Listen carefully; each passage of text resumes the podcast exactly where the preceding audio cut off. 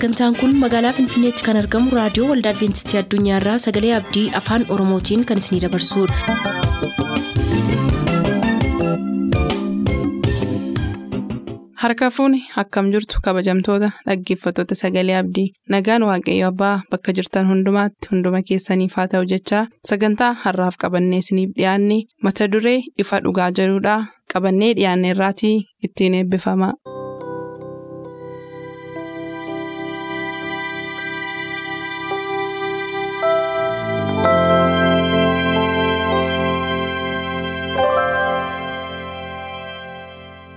Ifa dhugaa.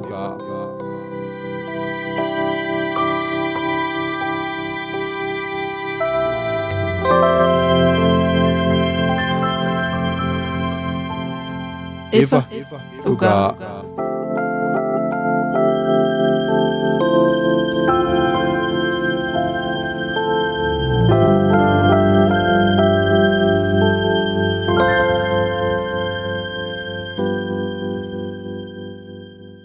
Nagaan gooftaa bakka jirtan maratti isiniif baay'atu akkam jirtu jaallatamuuf kabajamoo dhaggeeffatoota sagalee abdii nuusa kanaaf kan isiniif qabannee dhiyaachaa turre waa'ee kiristoosii wajjin qormaata keessa ta'uu ka jedhu irratti kan isiniif dhiyeessaa turre har'a kutaasa xumuraa isiniif qabannee jirra nuusa kana yoo waaqayyo jedhe har'a kan walitti qabnu ta'a. Karaa addaatiin akkaan wajjin turtan asumaan isin afeeraa har'aas kan na wajjin jiran barsiisaa toleeraa maammoo fi dargaggoo daani'el habtaamuuti qorannoon keenya har'aa immoo kiristoosiin qormaata keessatti jedha yeroo kiristoos qormaata keessa ture jireenya isaarraa wanta barruu waa tokko tokko isiniif qabannee jirra. eertuu yaadannoo isaatii maatiyoos boqonnaa 27 lakkoofsa 46 irratti inni sagalee isaa ol fudhatee. Heelo'ee heelo'ee lama sabaktanii jedhee hiikkoon isaas immoo yaa abbaa koo yaa abbaa koo maaliif na dhiiftaa jechuudha jedha kun egaa sagalee kiristoos qormaata keessatti dhageessisee abbaa isaatti iyyateedha kallattii gara qorannoo keenya har'aatti yoo gallu daani'el kadhannaa nuuf godhee nu jalqabsiisa nu wajjin ta'a. Gooftaa jaalalaa amanamaaf waaqa guddaaf yeroo hundumaayyuu kan jiraattu. Fuula kee fuula isa dhugaaf isa amanamaa fuuldura jirra. Sagalee keessa dhugaaf isa jireenya bara baraa namaaf kennu dhaga'uudhaaf yeroo kana kun dhiyaanneerra eebba keef eebba ayyaana keef bokkaa araaraa isa dhugaaf isa amanamaa jireenya keenya irratti dhangalaasi jireenya keenya jijjiire yeroo deebitee dhufu immoo biyya nuuf qopheessite mana keenya galgalaatti immoo nu deebisi maqaa yesuusin. Galatoomaa akkuma jalqaba caqasuuf yaale egaa qorannoon keenya kun kiristoos innumtuu qormaata keessa ta'eeraayi ka qormaata keessatti obsaa qormaata keessatti abdii qabaadhaa jabaadhaa inni waa'ee adda addaa barachaa turre suni asitti faayisaa keenyarrayyuu ga'e akka ture bu'uuraa qorannoo keenya har'aa keessatti baranna egaa. Mee walumaa galatti barsiisaa toleeraatti yoon deebi'u eertuu amma dubbisneenis wal qabsiifnee fi yaadii bu'uura guyyaa har'aa nurratti mari'annu barsiisaa toleeraa wajjin haa jalqabnu. Tole sirriidha. Kiristoos keessatti yeroo qoromsaatti isaa wajjiniin ce'uudhaaf isaa wajjiniin jireenya inni jiraate jiraachuu akka dandeenyuuftu qayyabannaan kun nu waama. Qoromsa keessatti kiristoosii wajjin. Yookiin Kiristoos qorumsa keessatti. Innumti mataan isaa immoo qorumsoota akkamiitu irra ga'e isa jedhuu fi seenaa jireenyaa yesus Kiristoos gara jalqabaatii kaasee yoo ilaalle isaas raajichaa boqonnaa shantamii sadiis yoo ilaalle nama akkamii akka inni ta'u fuulduratti raajiin raajameera. Waa'ee isaa jalqabaa gara dhaloota gooftaa yesus Kiristoosiinis gaafa ilaallu lola yookiin dhiphina. Cimaatu ture yommuu inni gara Maariyaam keessatti kaa'ame ulfa seeti jalqabee yommuu inni dhalates dhalachuuf yommuu inni jedhu irraa jalqabee yoo ilaalle ari'annaa baqannaa Yoosefiif Maariyaam irraa akka inni ga'e gaafa inni dhalates hammam dhiphisaa fi bakka itti goree dhalatullee nabeedha. Har'a nama yoo ilaalle amma dubartii deessuun wayii tokko otoo gara mana yaalaa geessanis katasaa yoo mana yaalaa karaa faarratti deessi ta'e hatattamaan yoo si mudateera ta'e gara mana namaa wayiitti seensisu. Yoo baatanii baadiyyaa bara ambulaansiin hin jirre jechaadha. Mana namaatti namnis hin didu Gooftaa yesus kiristoosiin garuu bakkasumatti goranii inni itti dhalatuyyuu gaaddisa keessatti qubatan dhabanii dallaa horii keessatti carqii wayii tokko itti maranii iddoo horiin keessa bultu keessa kaa'anii jedha. Wangeelaa Lukaas boqonnaa lama lakkoofsa torbarraa kaasnee yoo dubbisne yaada kana argachuutu dandeenya. Kanaaf dhalachuusaa garaa Maariyaam keessatti uumamuu isaarraa jalqabee dhalachuusaa irraa kaasee jireenya dhiphisaatu ture. Jireenya rakkinaa qormaata keessa dabarse jechaadha. Dabalataan deemee deemee hamma gaafa qormaata ari'annaan jibbamsee naannoo tuffiin ceebboon kanaan dura Museenii nama akka Yesuusiin fakkaate darbeedha jenne. Ceebboo firootatti dhiyootiin. Gosuma inni keessaa gosuma Maariyaamii Yoosef keessaa. Kun namichatti ilma muka sooftuu sana miti. Namni gadi waamuun dabalatee erganni sadarkaa barsiisuus jalqabee. Tuffiin karaa lubbootaatiin namoota barnoota kitaaba qulqulluu qaban dabalatee hawaasa naannoo isaa dabalatee gaxxinneessuma qofadha. Dabalee dabalee deemee deemee hamma gaafa fannootti dhiphinni fannoo immoo isa isa caaluudha jechaadha. Dhiphina kanaaf gooftaan uumaan waaqaaf lafa kana hundumaa utuu beeku addunyaa cubbuun faalamtee addunyaa dhiphisaa kana keessatti dhalate kuni gaafa fannoo irraa sana dhiphina sana keessatti jecha inni jedheetu nu yaadachiisa. Kan irratti xiyyeeffatu barnoonni keenya irraa Maatiyus boqonnaa 27 lakkoofsa 46 irraa gara sa'aatii salgaffaattis yesus sagalee isaa guddaadhaan eelii eelii lamaa sabaqtaanii jedhee waammateedha. Kunis waaqayyoo koo waaqayyoo koo maaliif na dhiifte? Jechuutti hiikamaa jedha. Afaan warra Ibraayistiitiin kuni maal jechuudha? Hafuura dhiphinaa isa guddaa isa gara dhumaa gaafa du'aaf hafuura du'aa baafachuuf jedhu yommuu alangaa sibiilaatiin reebamee gonfoon qoraattii mataa isaarra kaa'amee warri kaan immoo itti qoosanii fi hadhooftuu yommuu bishaan isaatii isa barbaachisutti hadhooftuu isa obaasan kanadha jecha kana kan inni jedhee jechaadha.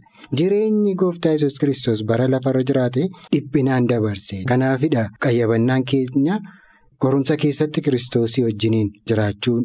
Isa of dura buusnee darbuun akka nurra jirutu nuuf kaasa. Kanaaf raajiin mul'ata keessattis mul'ata boqonnaa kudha lama lakkoofsa ja'a amma saddeetii yoo dubbisne lolli hamaan sanyii dubartittiitii fi sanyii ishee gidduutti akka ta'u Yohaannis mul'ataan akka arge. Kana maaltu irratti fidee dhiphina kanaa maaltu fidee rakkinni kun maaliif hayyamame gaaffiin jedhu gaaffiin baay'een ka'uu danda'a. Kuni sababii cubbuu addunyaa cubbuun marfamte keessatti sababiin dhalateefidha. Har'as hundumti keenya addunyaa cubbuun marfamte kana keessatti namoonni tuqaatii cubbuu hin qabne hin jiru. Maaliif addunyaa cubbuudhaan faalamte keessa jiraanna waanta ta'eef bu'aansaa deemee deemee yooma namni cubbuudhaan bilisa cubburraa bilisaan ofiin jedhu hin jiru malee bu'aan cubbuu inuma isa gooftaa keenya yesus kiristoos quunnameera. Hammeenyi bu'aa cubbuuti. Jibbii bu'aa cubbuuti. Isa dura waaqayyoo kana hin uumne erga cubbuun biyya lafaa irratti galeetimni kan wantoonni kun kan uumamu. Bu'aalee cubbuu sana hunda isa quunnamee irra ga'ee keessa darbee garuu gooftaan keenya yesus kiristoos maalidhaa?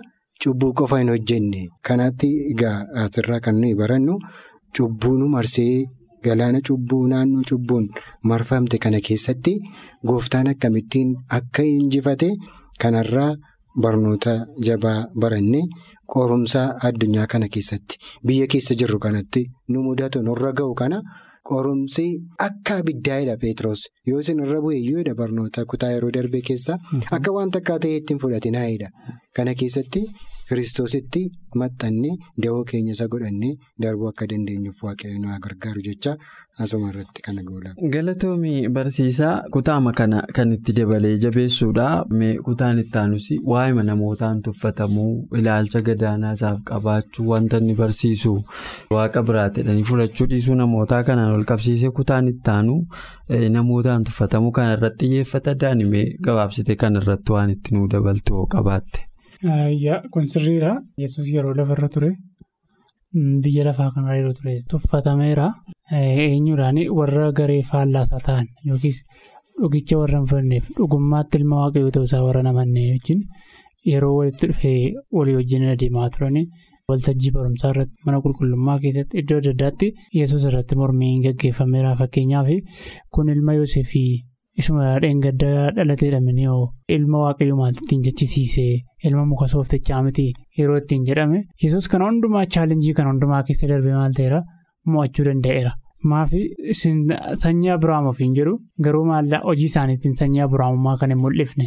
Sanyii fo'amuudhaa sanyii lubootaatti ofiin jedhu garuu immoo sanyii lubummaa isaanii kan hin mul'ifnee fi ilma waaqayyoo warra ganan kan ta'anii isaan kun maalitti iddoo adda addaatti yesuus iddoo garaa garaatti tuffatamaa hojii isaa tuffachaa turanii fariisonni garuu inni akka namni rakkoo kana keessatti chaalenjii hundumaa keessatti kan inni mo'ate inni jalqabaa garuu abbaa isaa wajjin tokko ta'uutiin. Gara iddoo deemee kadhatu qaba. Iddoo sanatti yeroo deemee kadhatu humna abbaa harkaa gaafa fudhatu guyyaa guyyaatti wallaansoo dabarsu hundumaa mo'achuu danda'eera. Yesuus irratti tuffatamuun ga'eera. Dhumarratti immoo reebamuu fi ajjeefamuun illee sadarkaa kanatti adeeme. Garuu kan inni ittiin kana hundumaa mo'ate abbaa isaa wajjin tokko ta'uutiin tokkummaa uumuutiin akka inni mo'ateera. Gabaabumatti kan duraa baru biyya lafaa kanarra amma jirrutti adeemsa goonuu keessatti tarii tuffatamuun jira. Wanta baay'ee wanti Yesuus irra ga'e hordoftoota isaarra hin ga'a. Kanaaf kana gochuu kan nu dandeenyu immoo yoo isaa wajjin adeemne yoo isaa wajjin tokkummaa qabaanne biyya lafaa kana mo'achuu dandeenya. Tuffatamuu jiru hundumaaf mo'achuu dandeenyu jira. Galatooma. Galatoomiyaatis yaa dhugaadha. Wanta karaa gooftaan keenya keessa deeme hundumaa keessa deemuuf hin dirqamna utuu haasofnu yesus isinii wajjinan jira. Gaafa nuun jedhu qormaati isinii hin argatu miti konseptiinsaa qormaatuma keessatti isinii wajjin jiraadha. Kan immoo kan nu irraa mirkaneeffannu kunoo gara biyya lafaa kanaa dhufe qormaata keessatti nu wajjin hirmaateera. Egaa achi keessaa jireenya isaa gara jalqabaa irratti wanta ta'ee fi haga fannifamuutti wanta deeme hundumaarra yoo xiyyeeffanne gooftaan yesus hamma nurra ga'u gararraa ofiisaatii fudhateera jechuudha. Qormaati isarra ga'e utuu nurra gahaa ta'ee ayidoonnoo itti fufnaaf ittiin fufnuun baay'ee gaaffii cimaadha. Nama rakkisa deebisuufi garuu yesus sinii wajjiniin jira gaafa nuun jedhu haga eessaati ka jedhuuf deebiisaa as keessaan arganna jechuudha. Sababiinsaa amaanu'eel jechuun waaqayyo nu wajjin jira jechuudha hedheetu ergamichi hiikoo isaayyuu itti himeera maariyaamitti nu wajjin jiraan sun egaa yeroo gammachuu yeroo haalli nu mijatu yeroo waa tokko tokko maa rakkoon hin jirres qofa utuu hin taane rakkina keenya dabalatee hirmaachuudhaaf waaqayyamamaa ta'edha jechuudha kun hiikoo isaa guddaadha dheena achi keessaa. Baay'ee dhukkubsaa fi kan nama sodaachisoo jiraate geettisamaaneedha akka barsiisaa toleeraa nama yaada irraa jalqabanii. Namooti baay'een halkan geettisamaanii jedhamu sana halkan sana utuu qormaati sun utuu isaan qaqqabiniin fuula dura attamitti yesus dhiphatee gaddee akka kadhachaa ture yoo hin danda'ama ta'ellee xoofoon sun akka sarraa darbuu fi gaafatee ture. Nama waan ta'eef yeroo sana namummaa waan uffateeruuf jechuudha garuu jaalala abbaa koo fedha kee ta'e hidhee kadhate kadhannaa isaa keessa fedha kee mintaanaan xoofoo sana fudhachuun narra jira yoo gara jireenya keenyaatti finne al tokko tokko yoo dhiphachuun fedha keenya miti ta'eyyuu fedha waaqayyoo ta'uu danda'a yeroo akkas ta'u. Karaa walta'aa ta'een waaqayyo hojii waliigalleetti fufnaa kan jedhu gaaffii bu'uuraati sababiinsaa namni keessa darbee amma sadarkaa waaqayyoon na qore jedhettiyyuu jira halkan sana wantoota ta'an keessaa yeroo yesus deddeebi'ee haala adda addaatiin kadhatu dhiphatu bartoonni isa jajjabeessuuf dhaqan ka'anii isa jajjabeessuu hin dandeenye hamma dafqa dhiigaan makaa sa'aatii infaakti yeroon isaa yeroo namni dafquu danda'u miti baay'ee yeroo qorraa yeroo fixeensaa yeroo duumessi dukkanni halkanii namarra buufatutti namni attam yoo ta'e sadarkaa kanarra ga'a ka jedhu gaaffiidha garuu dhiphinni kun hundumtuu. Yesus ilmaan namaaf jedhee ba'aa inni baateedha jechuudha. Nus yoo rakkoon ulfaataa wayii tokko nutti dhufe wanta haaraa ta'ee hin beekne nurra ga'e akka nu hin dhiphannee fi wanti yesus irra ga'e kun nuufi lakkooftuu baay'ee gaarii nu irraa laallannee ittiin socho'uu jabaachuu dandeenyudha yaada. Gara kutaattaa nutti gara barsiisaa toleeraattiin deebi'a. Waaqa sana namaaf fannifamu kana waa'ee isaayyuu cimsee ka dubbatu kutaa sana keesseera barsiisa waan sana waa itti dabaltu qabda. Tole baay'ee bareedaadha. Ammas seenaa yesus kristos waan nuuf godhe keessaa inni baay'ee barbaachisaanii waaqa sanuuf fannifame ta'uu isaati cubbuu nama hundumaatiif cubbuu keenyaaf isa fannoo irratti ajjeefame akka seenaa warra roomaatti namni fannoodhaan ajjeefamu nama yakka cimaadhaan adabamudha. Nama yakka cimaadhaan adabdu fannoodhaan ajjeefti. Dabalataan namni fannoo irratti fannifamee ajjeefamu nama abaaramaadha jedhamee beekama. Beekamtii kana arrabsoo kana kennuufiidhaafti mootonni roomaa kan isaan fannoodhaan fannoo irratti akka du'uu fi taasisan. Karaa kan biraa immoo karoora fayyinaatii fi addunyaa cubbuudhaan kuftee dhala namaatii fi hojiitu hojjetamaa jira jechaadha. Gooftaa yesus kiristoos akkuma fakkeenya sanyiin qamadii jalqaba du'uu qaba jedhe inni yoo du'e malee. Namoonni biroon jireenya. Namni biraan jireenya argachuu hin danda'u. Nuyi jiraachuu hin dandeenyu. Jechuudhaan walitti dhufeenya namaaf waaqa samiif waaqa gidduu gargar cite sababii cubbuutii walitti dhufeenyi namaa hariiroon namaa gargar cite kan iddootti deebisuu danda'u du'a yesus kiristoos qofaadha. Jireenya yesus kiristoos qofaadha. Yesus kiristoos har'a hariiroo sana bakkatti deebisuudhaan kallattiidhaan cubbuu keenyaaf kadhannee araara waaqa biraa argachuu dandeenya sababii isaatiif. Sababiin inni nuuf dhiigeef sababiin inni nuuf fannifameef araara argachuu dandeenya. Dabalataan namoonni taatii achi namoonni isa fannisan tuutni fannootu naanna'ee isa fannise loltoonni roomaa hamoonni luboonni wantoonni haga inni fannifamutti isaan hubanne taateewwan jajjabaatu ta'ee ture yeroo sana. Yommuu yesus fannoo irratti fannifamee fannoodhaan ajjeefame. Fakkeenyaaf Maatiyus boqonnaa 27 lakkoofsa 45 irraa yoo ilaalle sa'aatii ja'amma sa'aatii sagaliitti dukkanni lafa uwwiseedha. Mootii waaqaaf lafaa isa addunyaa biiftuu kana uume ta'uusaa isaanitti agarsiisuudhaaf addunyaa kana to'achuu biiftuu kana to'achuu akka danda'uuf ati mootiidha jedhaniitti qoosaa turani kanayyuu gochuu akka inni danda'u. Dukkanni lafa uwwisee hiikaansaa kan biroo bal'aa ta'us Maatiyus 27 keessaa lakkoofsa 51 dabarree yoo ilaalle taatee ajaa'ibaa golgaan mana qulqullummaa goolii amma gadiitti iddoo lamatti tarsee jedha.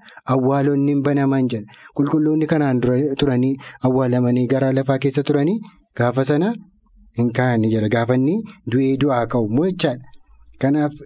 Fannifamuu yesuusii fi du'aa ka'uusaa wajjiniin wal qabatanii taateewwan ajaa'ibaa ta'iinsa ciccimaa namoonni achi dhaabatanii jiranii hin hubanne har'a nuyi barnoota cimaa qabutu raawwatamaa ture jechaadha. Kanaaf yesus nuuf fannifamuu isaatiin yesus nuuf du'uu isaatiin nuyi har'a jireenya arganne.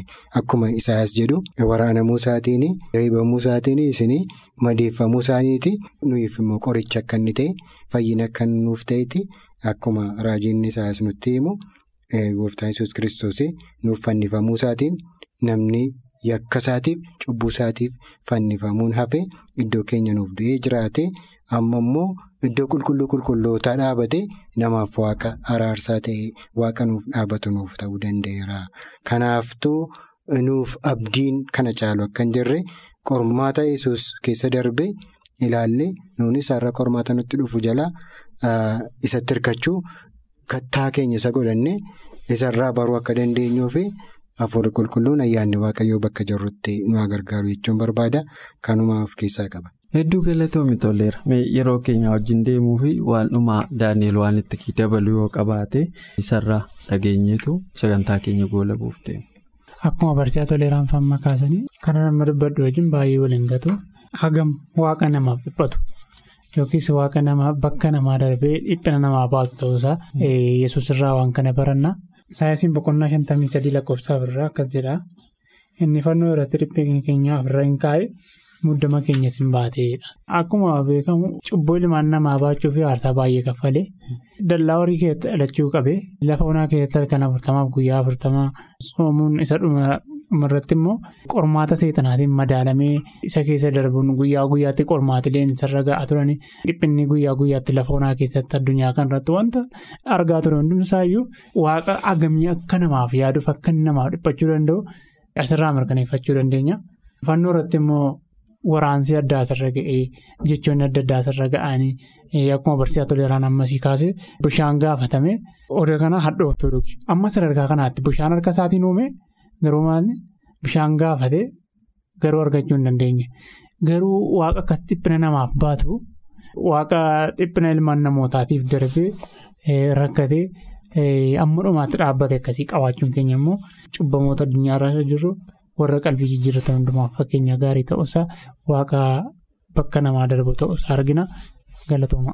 Galatoomaa hundi keessanuu waaqayyoo isinaa eebbisu egaa walumaa galatti har'a kan ilaalaa turre jireenya kiristoos irraa akka ga'e martuu jireenya kiristaanaarra yoo ga'e kan hin ajaa'ibsiifatamne ta'uu isaatii waliigalli qorannoo keenyaa jalqabumarraa kaasnee ilaallee fi mata duree isaarraa yoo kaane dhiphina keessatti kiristoos waliin ta'uudha. Kiristoos yeroo dhiphina keessa taanu kiristoos achi keessa akka nu wajjin jiru yaadachuudha. Har'a immoo kutaa isa dhumaa yookiin qorannoo keenya isa kutaa kudha sadaffaa kana keessatti kan nuyi addumaan argine qormaanni namarra ga'ee hin beekne kiristoos irra ga'ee achi keessatti nuuf jecha. Wanta kaffaluun irra jiru kaffalee achi booda garuu qormaataan injifatame achi keessatti namni qormaata sana mo'atee gara teessoo abbaa isaatii gara samiitti waaqa ol ba'eedha. Nuyis qormaata keessatti kiristoos nu wajjin ta'aa yeroo jennu oduu qofa utuu hin taane qabatamaatti qormaata keessatti yeroo nu wajjin ta'u galmi keenya maali ka jedhu qormaata sana injifachuudha erga injifannee booda inni immoo anaa wajjin.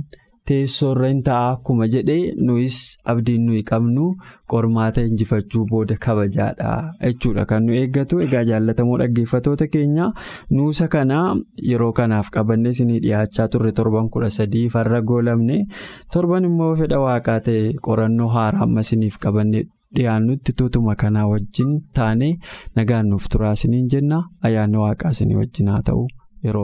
Qophii keenya har'aatiin akka eebbifamtaan abdachaa yeroo xumurru beellamni keessan nu waliin haa ta'u.